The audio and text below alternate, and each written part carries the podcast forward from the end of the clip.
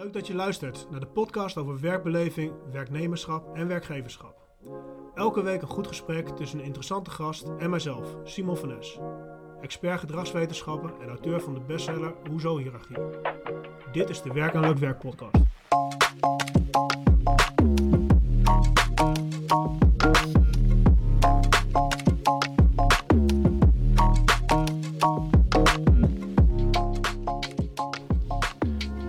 Zit hier met Eden Kruk. Uh, Eden, uh, jij bent mijn neefje.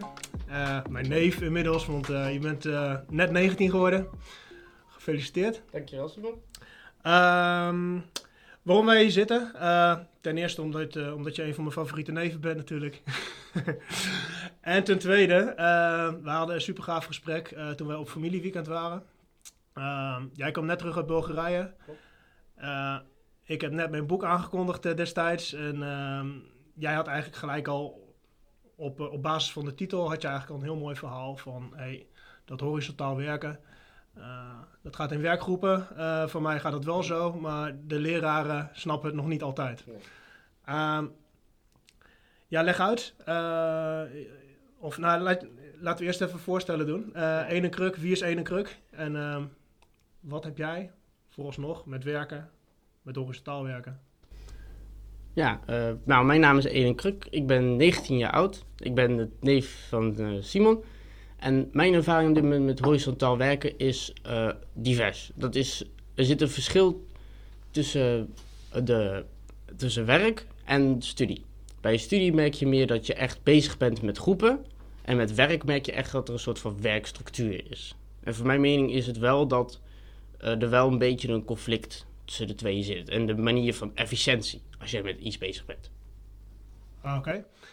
Ehm, zeg je daarmee dat, dat werk in jouw beleving individualistischer is? Of uh, aangezien je, zegt van je hebt met een met, met werkgroepen te maken en met anderen eigenlijk niet?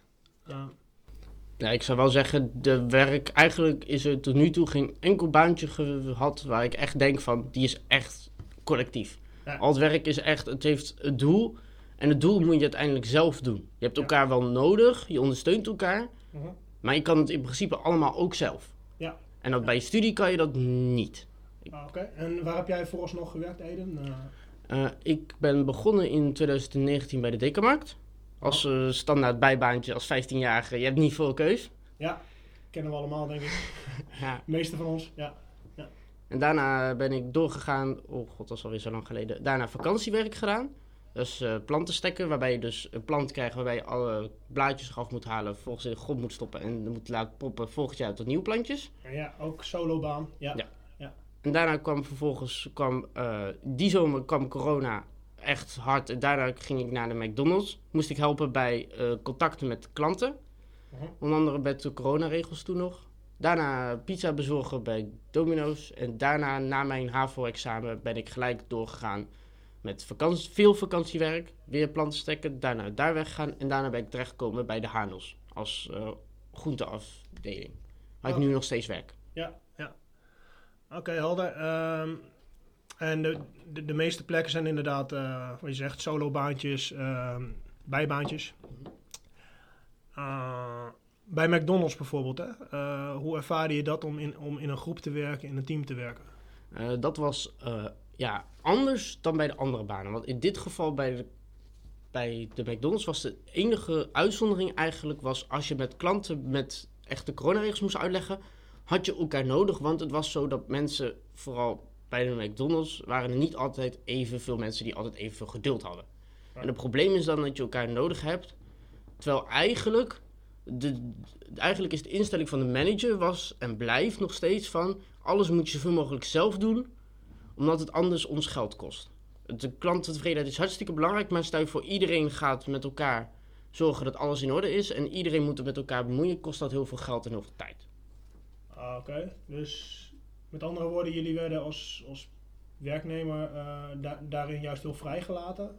Uh, ja, zolang het eigenlijk maar niet te veel geld en te veel tijd kostte. Was, dat was echt, dat was echt, McDonald's natuurlijk een Amerikaans bedrijfsmodel, dat is echt gericht op geld ja. en zoveel mogelijk, min mogelijk tijd. Ja, natuurlijk. Uh, commercieel bedrijf. Uh, en logisch, van het, eh, het moet zo min mogelijk kosten, zoveel mogelijk opleveren.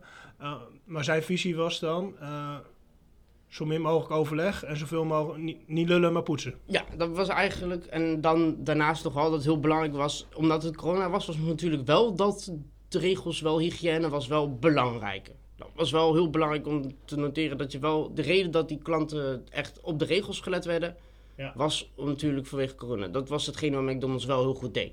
Ze deden wel echt aandacht aan het hygiëne-aspect.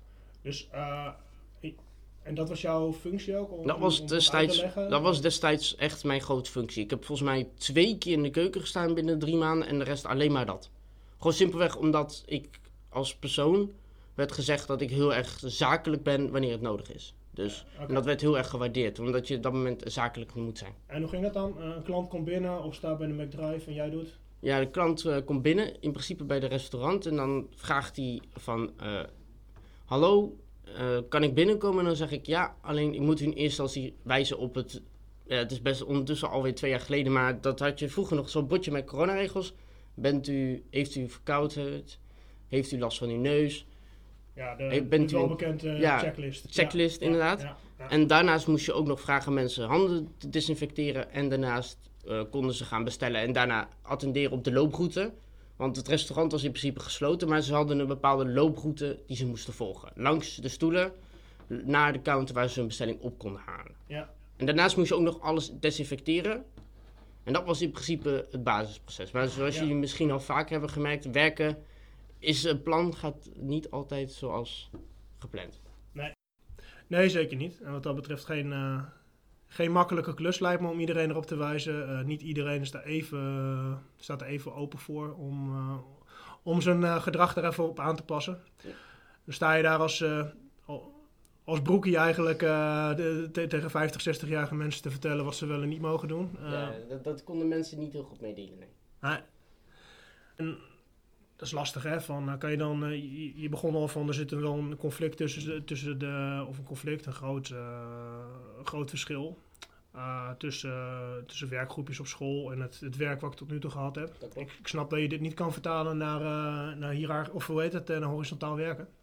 Um, want het is heel erg van, uh, Eden, zoek het uit. En heb je problemen, kom maar bij mij. Ja, precies. Het, het, loslatende aspect van het horizontaal werk zit er dan misschien wel in. Uh, maar meer dan dat ook niet. Ja. Uh, ben ik heel benieuwd. Uh, je hebt me al het een en ander over verteld. Maar hoe heb je dat in Bulgarije ervaren? Vertel eerst even, wat ben je in Bulgarije gaan doen? voor mijn opleiding is Engelstalig. Dus wij waren met, dat is in principe gericht op ontwikkeling. Voor zowel klimaat als mensen als verder nog op arbeids, ook op arbeidsperspectief, maar dan meer in een internationale context, bijvoorbeeld in derde wereldlanden. Ja. En wij zijn uh, als een ja, field week zijn wij naar Bulgarije gegaan om daar de lokale mensen te helpen. Met een groep medestudenten? Met een groep uh, medestudenten van, denk ik, 60 man. Met leraren erbij. Daar uh, hebben we vooral, was, we moesten vooraf ons onderzoek natuurlijk doen van waar gaan we werken, hoe gaan we werken, wat moeten we precies doen. Wie zijn de mensen? Want het is natuurlijk een heel andere context dan in Nederland. Zeker, zeker. En uh, hebben jullie daar een... Uh, zijn jullie in groepjes opgedeeld of zijn jullie echt met 60 man aan het werk gegaan? in principe was het idee van uh, 10 groepjes van 5 man. En daarnaast nog een paar mensen die kwamen ondersteunen. Bijvoorbeeld vertalers die kwamen mee vanuit Nederland naar Bulgarije. Ja. En daar zijn we vervolgens meegegaan in de dorpen. En de dorpen waren compleet anders dan je hebt voorgesteld. En eigenlijk was het een heel andere manier van werken. Want je moet eigenlijk, het is niet de mentaliteit van zoek het zelf maar uit. Maar je hebt wel begeleiding gekregen van school vooraf. Mhm. Alleen het is wel zo van je moet wel daar weten wat je moet doen. En dat was echt lastig. Want in eerste instantie kom je daar, je kan de taal niet spreken, je kent niemand. Ja. Dus dan ben je eigenlijk uh, een beetje in je eentje met een groep. En een vertaler die dan zegt van ja, ik ken het dorp eigenlijk ook niet heel goed. Dus dat was in eerste instantie wel een beetje lastig. Mhm. Ja. Ja, snap ik. Uh, als ik me goed herinner, dan uh, je, doet iets met, uh, met klimaat, met grond. grondbouw klaarmaken, grond verbouw klaarmaken. Zeg het? gedeeltelijk, ja. Het klimaat is heel belangrijk, maar vooral ook weer met dat... Het is echt, International Development Management is echt gericht op ontwikkeling. En dan kan je... Hoe, hoe zei je? International Development Management. Ja. Dat is in VELP. En daarbij gaan ze dus echt bezig met het kijken van... Hoe kunnen we mensen leven verbeteren? Hoe kunnen we klimaat verbeteren? En hoe kunnen we dat allemaal doen in een duurzame context? Duurzaamheid is... Je kan het eigenlijk vergelijken als je een soort van mindmap van zou maken. Ja. Dus is duurzaamheid de kern. En dan ga je kijken van hoe ga ik dat doen? Ga ik dat op, focussen op mensen, focussen op klimaat of focussen op werk? Ja, vanuit dat perspectief zou je niet met de hele groep naar, uh, Ja. naar En in dit geval was het aspect, de letterlijke opdracht was creëer een innovatie waar de mensen wat aan hebben. Innovatie, en dat is wel belangrijk natuurlijk, want innovatie in Nederland is heel anders dan de innovatie in Bulgarije. Onze innovatie was eh, het schilderen van afvalbakken en nieuwe afvalbakken plaatsen op een manier dat er minder vandalisme was en dat mensen ook daadwerkelijk het afval weggooien. In Nederland is dat geen innovatie, maar omdat je in een andere context zit, is het er daar wel. Van welk probleem was dat de oplossing? Van het afvalprobleem. Oké. Er was daar, eh, alles werd in principe gewoon aan, bij de zij- zijkant gegooid van de straat. En eigenlijk was het zo van, eh, alles wat ijzer was, werd eruit gehaald. En de rest zat alles erin, van bleek tot plastic, tot papier, van Ja. alles. En zelfs glas en zelfs nog bepaalde giftige stoffen die je gewoon duidelijk niet, ja. eigenlijk waar, je- waar je kinderen letterlijk mee lopen te spelen. Dat, Ja. dat wil je echt niet hebben. Nee, dat is in mijn ervaring ook wel in, eh, in andere landen eh, op een hele andere manier ingeregeld dan, eh, dan in ons eh, kleine, goed georganiseerde landje. Dus ja, ik snap heel goed dat Bulgarije daarin, zeker op bepaalde plekken, wat, wat in nou, ja, achterloopt, het op een andere manier aanpakt. Ja. Ehm, maar vertel eens, jullie, vertel eens iets over het samenwerken. Want, want goed, ja, jij, jij begon over het horizontaal werken. Mhm. Ik dacht van, ongelooflijk. De titel is wel heel goed, goed gekozen volgens mij van het boek. Want eh, mijn neef van destijds 18, die snapt het in één keer. En die heeft meteen een, een, een prachtig vergelijk. Het destijds van eh, dat, dat, dat horizontaal werken, dat samenwerken... zonder, zonder dat er hiërarchische, hiërarchische structuren nodig zijn. eh, dat snappen wij binnen de groep wel. Ja, ja. Alleen docenten snappen dat nog niet. Nee, het was inderdaad zo van de docenten ehm, hebben heel vaak verwachtingen van het eindproduct. En dan hebben ze dan eigenlijk al de hele lijn die jij moet hebben, van, eigenlijk van begin tot het einde al voor je uitgestippeld. Maar wat de docenten vaak niet realiseren, is dat door die, lijntje, door die lijn ook een beetje los te laten en ons te zeggen van dit is hetgene wat jullie moeten doen. En eh, we geven jullie instructies. Als je hulp nodig hebt, vraag het. Maar in principe is het zo van jullie kunnen eh, altijd ondersteuning krijgen, maar het is in principe jullie eigen. Waardoor het lijntje dus meer krom wordt. Dat er staan soms een beetje fricties binnen groepen. Mensen gaan meer bezig met elkaar een beetje uitdagen. En daardoor is het uiteindelijk ook weer dat je een ander soort eindproduct en vooral een ander soort ervaring hebt. Dan dat je weet waar jij vooraf al mee bezig gaat. Snap je? Het is een Ja. beetje het samenwerken gaat anders dan volgens die lijn door school is gepland. En soms waren leraren daar niet mee eens. Bijvoorbeeld dat wij in Bulgarije besloten om een dag, omdat wij vonden dat wij al klaar waren en het product wat wij moesten opleveren in Bulgarije was al klaar. Dat we zeiden, we gaan nu niet naar het dorp heen, want dat heeft geen zin. We gaan focussen op elkaar. Ja, En eens kijken van even evaluatie, hoe gaat het?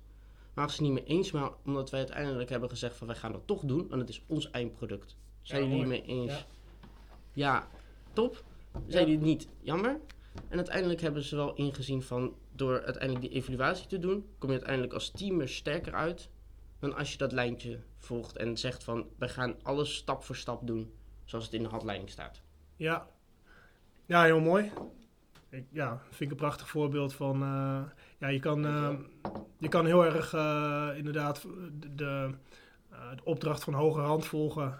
Maar in dit geval echt heel stoer dat jullie als, als studenten samen gezegd hebben van helemaal niet. Het proces loopt anders dan dat jullie hier gedacht hebben. En dat vraagt me dan nog af, hè, want ik, eigenlijk vind ik de grootste prestatie van, van jullie hele trip naar Bulgarije. eh, dat jullie uiteindelijk tegen die docenten hebben gezegd van... Hey, eh, bekijk het lekker. We gaan, we gaan niet meer die lijn volgen die jullie willen. Want we zijn al zo en zo ver. En ehm, we gaan de boel presenteren. Zover zijn we al. Dat is misschien nog wel een grotere prestatie, of een prestatie dan het eindproduct. Ben ik mee eens. En wat neem jij mee? Want je gaat straks uh, stage lopen in het mooie Utrecht, vertelde je zojuist uh, bij binnenkomst. Um, en wat neem jij mee naar die stageplek van deze ervaringen? Uh, en hoe zou jij een ideale samenwerking daarin schetsen? Ja, met de ideale samenwerking bedoel ik eigenlijk hoe wil je met collega's om kunnen gaan? Wat wil je voor, in, in wat voor cultuur wil je terechtkomen? Okay, en wat, wat verwacht je van een leidinggevende? Of verwacht je niets van een leidinggevende? Dat kan ook. Nou, wat ik van een leidinggevende zou verwachten, is dat hij uh, eigenlijk uh, is om de werknemers te ondersteunen. De werknemers moeten uiteindelijk het product leveren en hij moet ervoor zorgen dat de werknemers het proces kunnen doen. Hij moet dus, het is een beetje, je moet wel inderdaad een beetje zeggen van dit is de bedoeling, maar als je hulp nodig hebt, vraag het dan. En dat is hetgene wat ik een belangrijk vind van de leidinggevende Mensen zeggen al vaak van, voel vrij, vraag hulp. Maar soms is het dan, als je dan hulp vraagt, is er ook weer een grens met de hulp. En soms heb ik het gevoel van, ik veel liever ook heb ik bij werknemers, als ik altijd op bij de handels werk tegenwoordig, veel liever dat je vijf keer een vraag stelt mhm. en het vijf keer telkens een stapje beter gaat, dan dat je geen vraag stelt en daarna een fout maakt. Dat is wel vragen stellen en vooral geduldig zijn. Want uiteindelijk zal zowel het proces als een product elke dag een stapje verder gaan. Ja, naarmate je ook als team meer op elkaar ingespeeld gaat, denk ik. Ja. Eerst, het is altijd, tot nu toe is mijn ervaring, de eerste twee weken is met teamwerk is altijd een beetje elkaar een beetje kijken van waar ligt de grens? Ja. Hoe, hoe gaan we dit presenteren? Hoe gaan we dat doen? Daarna ga je vervolgens naar de beginfase. Hoe ga je kijken? Hoe ga ik dit presenteren? Wat moeten we doen? En daarna ga je echt bezig met het echte effectieve gedeelte van ga je ook echt een product schrijven, interviews afnemen. En daarna komt vervolgens het leuke gedeelte. En dat is eigenlijk het presenteren. Uh, dat herken ik ook wel uh, bij alle, alle bijbanen, alle banen die ik heb gehad, alle stages. De eerste twee weken komt er niet heel veel uit je handen. Uh, je verwacht dat wel voor jezelf, want je wil jezelf laten zien. het is gewoon belangrijk om als team naar elkaar toe te groeien. En daarin denk ik ook te, te, weten ehm, van elkaar wat je kan. En wat je ook omschrijft, hè, dat, doe je heel goed. Van, het moet veilig zijn. Moet, je moet kunnen vragen bij collega's. Je moet om je heen kunnen vragen om, om sterker te worden. En ook ingespeeld raken als team, denk ik. dat is, is wel van belang allemaal. Denk ik inderdaad ook. Het is, dan, het is inderdaad ook weer dat je als team... Het is natuurlijk wel anders als collega's of als studiegenoten. Dat is wel natuurlijk een heel belangrijk verschil. Is dat zo? Want voor mijn gevoel is samenwerken gewoon samenwerken. Ja, maar omdat ik altijd het gevoel heb dat ik met collega's alleen maar is met werk. Dan ben ik alleen maar om eigenlijk geld te verdienen. Terwijl ik bij studiegenoten uiteindelijk ben om ervoor te zorgen dat we samen verder komen. In iets wat we samen delen en samen een bepaalde... Wij willen allebei, in dit geval, in mijn geval, duurzamere wereld. Mhm. Dan gaan we samen mee bezig. En dat is anders dan dat je samen bezig gaat om ieder alleen geld te verdienen. Dus het is je werkt samen om, of omdat je iets alleen wil, of je werkt samen omdat je iets samen wilt. Ja. Ik denk dat dit ook wel uh, jou, met jouw werkervaring tot op heden te maken heeft. Hè? Uh, mijn ervaring is namelijk op het moment dat je samenwerkt. Uh, bij Nestor werkt bijvoorbeeld samen om ervoor te zorgen dat werk in Nederland gelukkiger wordt. En vooral dat organisaties gewoon gaan inzien dat ze beter met de medewerkers om moeten gaan. En ze juist moeten gaan behandelen als mensen en niet als werkende machines. Precies. Uh, dat is, dan heb je wel een, eh, een missie, een, uh, een visie, zeg maar, van, waarvanuit je wil werken. Natuurlijk is het heel lekker als, als we klant naar klant binnenhalen en daar goed op verdienen. Maar dat is, dat is niet de hoofdmoot. dus ik denk dat wat dat betreft dat ehm, zoals jij nu werkt in werkgroepen, wel eens wat meer kan lijken op het, het, het werk in praktijk, dan dat je nu eigenlijk de, de, link legt.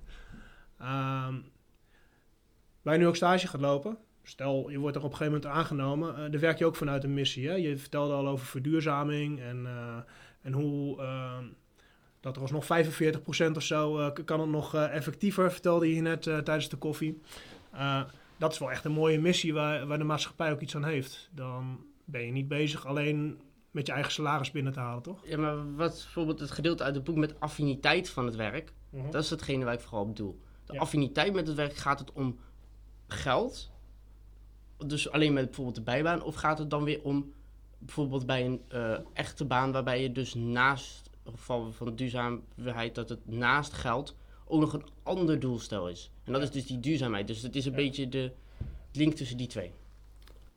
Ja, ik denk eh, als je het hebt over affiniteit. eh, affiniteit met je werk, dan gaat het niet om affiniteit met geld. Tenzij je bij de bank werkt. Ik, ik zie dat ook al voor me. eh, overal hangen bordjes van eh, werknemers gezocht. En dan staat er al heel gauw bij eh, hoeveel je er wel niet kan verdienen. Dat is meestal niet de, de drijfveer om, om ergens voor te kiezen. Of, en zeker niet de drijfveer om ergens te blijven. Ehm, wat dat betreft, we schetsen dat in het boek. Je zegt het goed hoor. Ehm, we schetsen dat in het boek als hygiënefactoren, motivatiefactoren en affectie. Affectie gaat om affiniteit, dat is de bovenste laag. Maar dan kom je pas op het moment dat je hygiënefactoren op orde zijn. Oftewel, je hebt een, een relatief marktconform salaris, je voelt je veilig, eh, je voelt je prettig en eh, je kan een beetje met je collega's opschieten. Maar het geldt ook intern als jij heel erg gewaardeerd wordt om wat je doet en, eh, en hoe je te werk gaat, dan dat, dat is ook affectie. Dus het is echt liefde voor je werk en je werkgever. Oké. Nou, zo, eh, zo zie ik hem althans. En, eh, ik, dit doet me even denken aan een stuk eh, uit het boek, waarbij, waarbij Evert met name een, een stukje heeft geschreven, heeft hij knap gedaan, over de gig-economie. En dan eigenlijk de, het verschil met vroeger, dat je, dat je zes dagen in de week of vijf dagen in de week naar dezelfde werkgever ging en, en dat gewoon voor 45 jaar lang deed tot, tot aan je pensioen. Is het inmiddels, zijn het eigenlijk allemaal korte gigs, korte optredens. Heb je het bij de ene plek niet zo goed naar je zin, eh, dan, huppel je zo weer naar de volgende. Eh, stel, jij bent bij mij in dienst bij een restaurant. Wat zou ik moeten doen om jou te behouden? Eh, Buiten geld om. buiten geld om is vooral eh, inderdaad de ruimte geven om fouten te maken. Zolang ze realiseren van oké, stel je voor ik laat een keer een glas vallen. Dat ze dan realiseren van, dan, dan is hetgene wat ik het liefst van mijn manager wil vragen, die gaat niet zeggen van probeer dan niet volgende keer niet nog een keer te doen.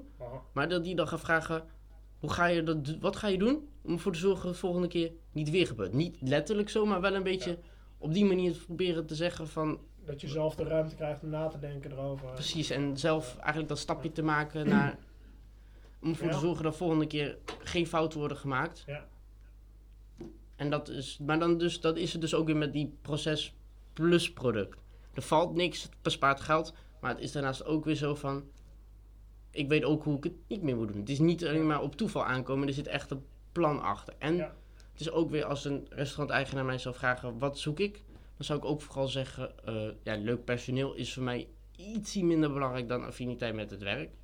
Oké. Maar Ja. dat is vooral weer dat je zegt van, als ik hier sta en ik heb een leuke klant waar ik contact mee kan hebben, moet ik daar ook eh, beperkt zolang de tijd voor kunnen nemen. Het is niet alleen maar geld, geld, geld, maar het is ook van, als die klant een leukere ervaring heeft Mhm. dan de vorige, is er winst.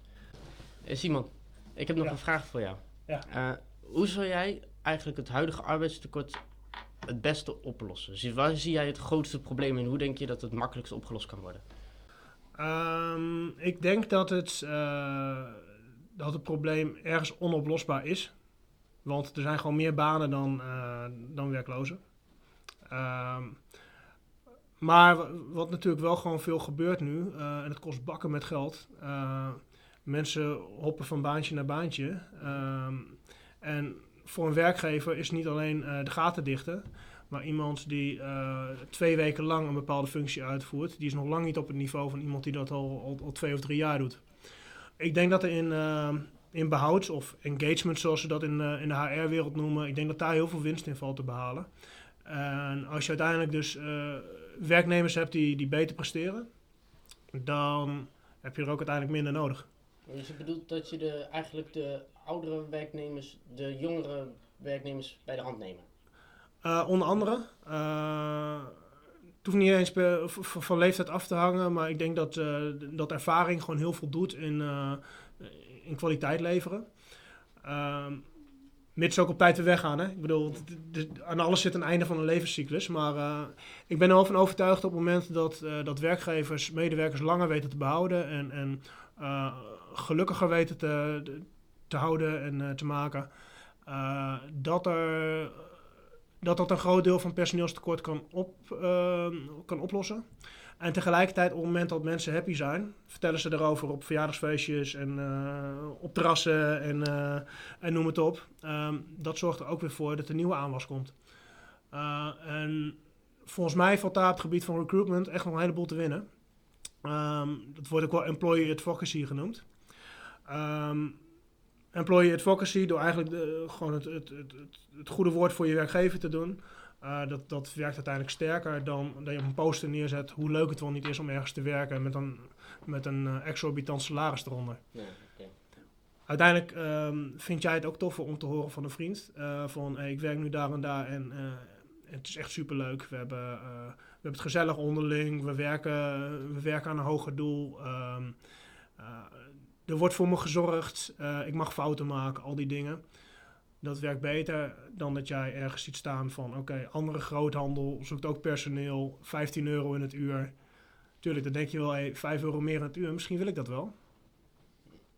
Maar die vriend van jou die vertelt dat het, uh, dat het overal uh, dat het ergens anders beter is. Of dat, ergens, dat hij het ergens anders zelf heel goed naar zijn zin heeft, althans. Uh, dat werkt qua recruitment denk ik beter dan waar we op dit moment mee bezig zijn. Bedankt voor het luisteren en tot de volgende aflevering. En voor nu, werk aan leuk werk.